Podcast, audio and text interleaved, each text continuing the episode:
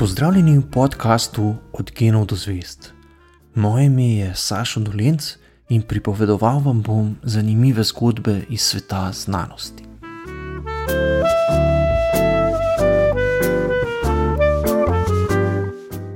Augusta 1945, le nekaj mesecev po koncu druge svetovne vojne, so se trije Antoni, Petrlin, Kuhal in Molk odpravili na nenavadno misijo v tujino. Kot učitelji na Ljubljanski univerzi so ugotovili, da nimajo ustreznih laboratorijskih naprav za izvajanje eksperimentov, zato so se odločili, da gredo po nakupih v Milano. Predsednik slovenske vlade Boris Kidrič, ki je bil velik podpornik znanosti, jim je priskrbel 3 milijone lir v gotovini, v bankovcih po 100 lir, zato so imeli s seboj kar za tri kavčke denarja. Najprej so se odpeljali v Trst, kjer so na kontrolni točki denar pokazali Angležem, ki so se samo čudili, zakaj se po nakupih odpravljajo s tako veliko gotovine. A to je bila, kot kaže, v tistih časih ustaljena praksa, saj je bila takrat v Italiji še ena podobna slovenska delegacija s še več denarja, ki je kupovala telekomunikacijsko opremo za pošto. Zvečer so se iz Trsta z avtobusom odpeljali naprej proti Milanu.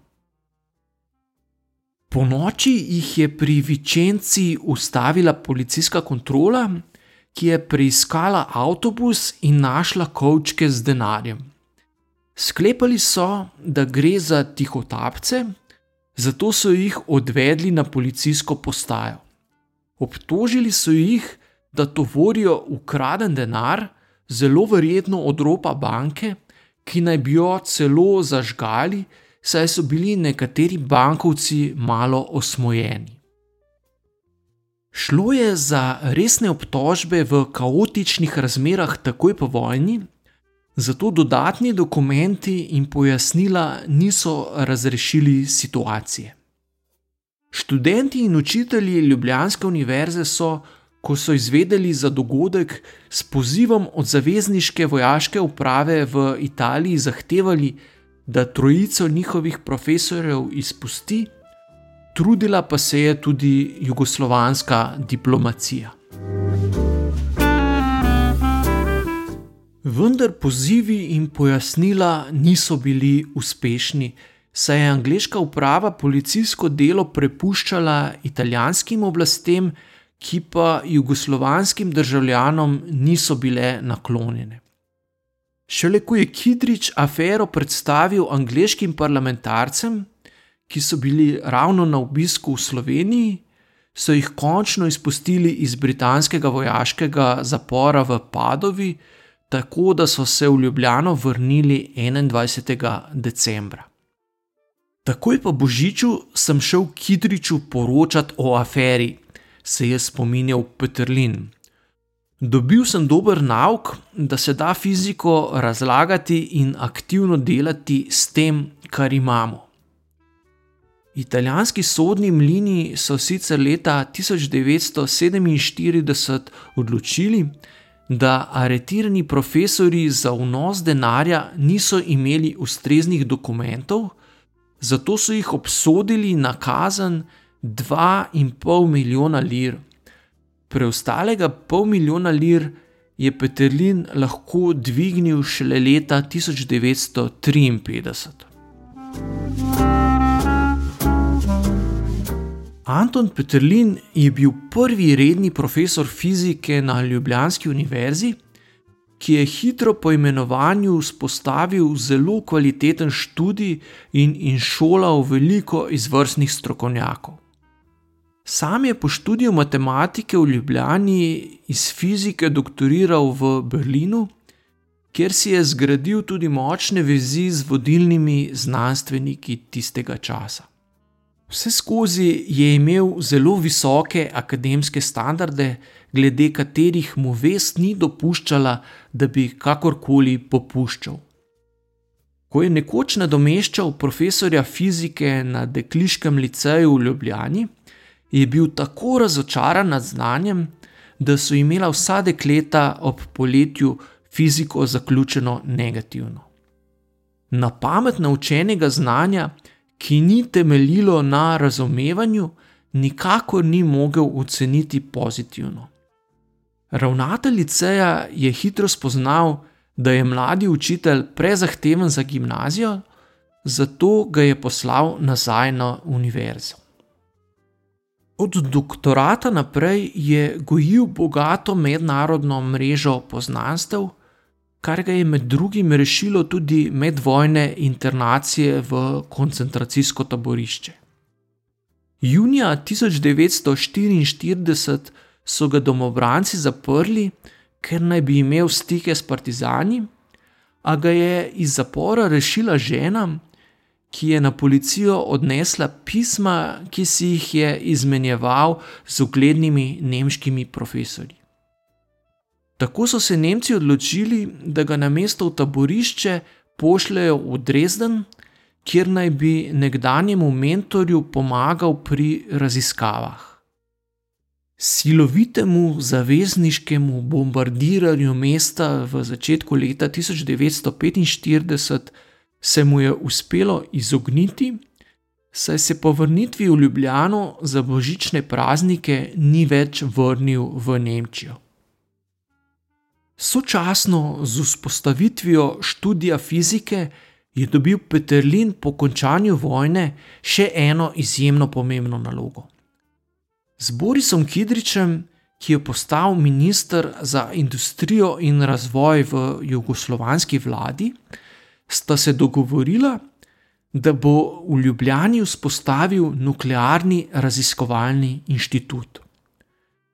Čeprav so Peterlina zanimale predvsem raziskave vele molekul, se je dobro zavedal, da bo država z dovolj sredstvi podprla le inštitut, ki bo raziskoval takrat prestižno področje jedrske energije in radioaktivnosti kjer naj bi po sovjetskem zgledu na univerzah predvsem izobraževali, raziskovali pa v okviru inštitutov pri akademijah, je moral po tem zgledu organizirati tudi fizikalni inštitut.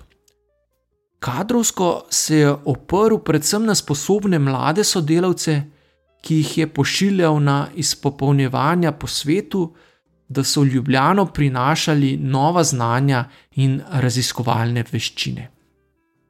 O izvirnosti in pomembnosti Petelinovih takratnih raziskav priča podatek, da je leta 1953 v znanstveni reviji Nature objavil študijo fizikalnih lastnosti molekule DNK.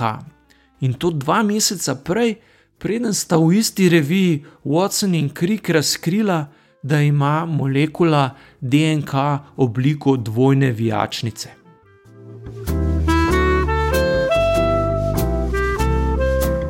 V prvem desetletju obstoja je število zaposlenih na inštitutu naraslo na 300, zgradili pa so tudi nove prostore na Jamovi cesti v Ljubljani.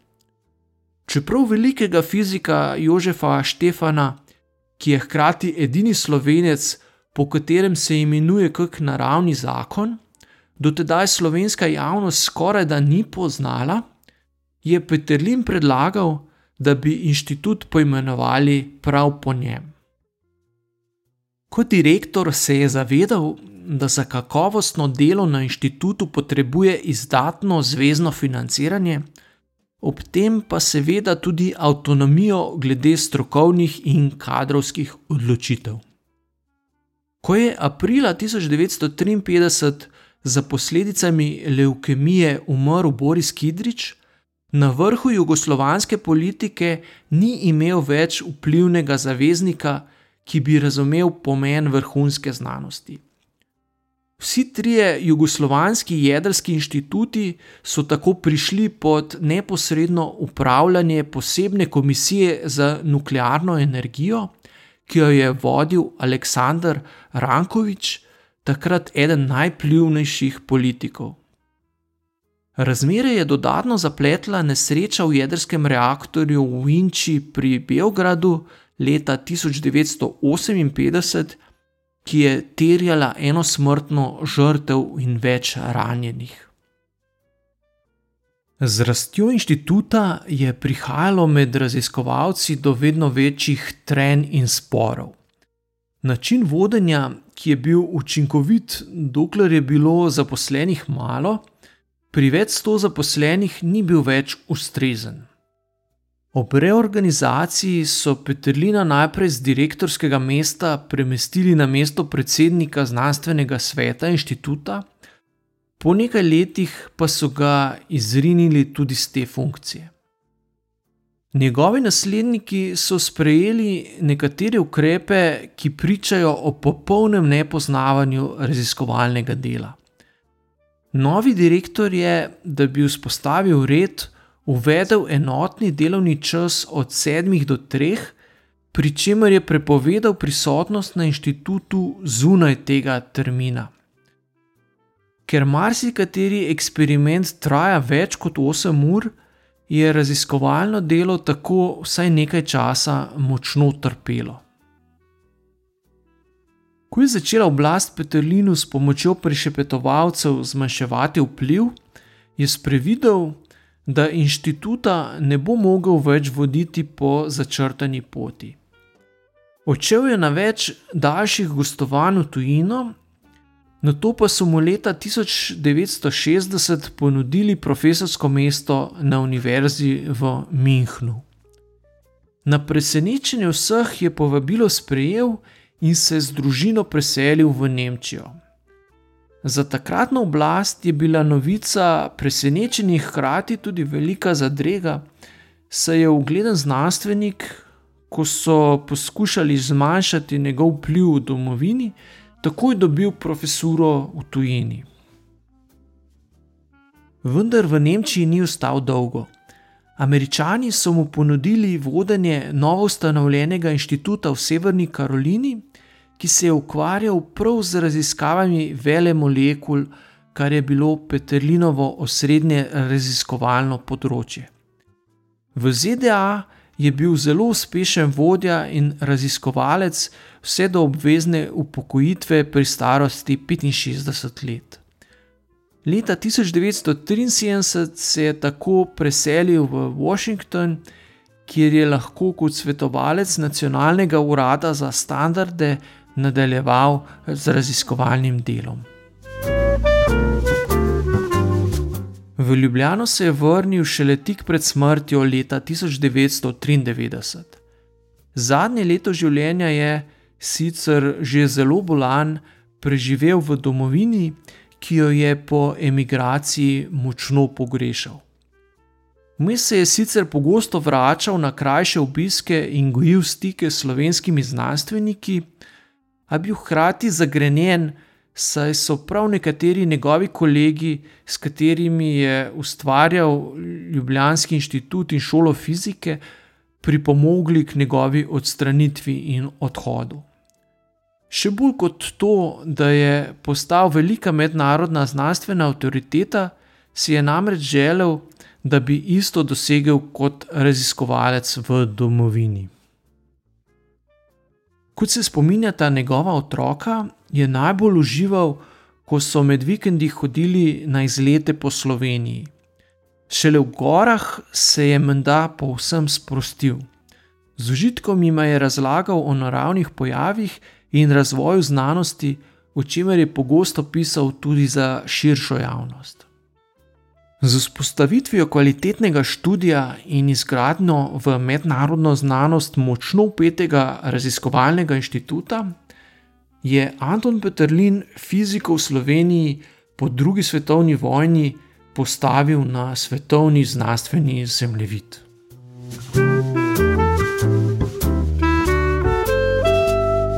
To je bil podcast Od genov do zvest. Moje ime je Sašo Dolenc in z novo zgodbo se vam oglasim že k malu.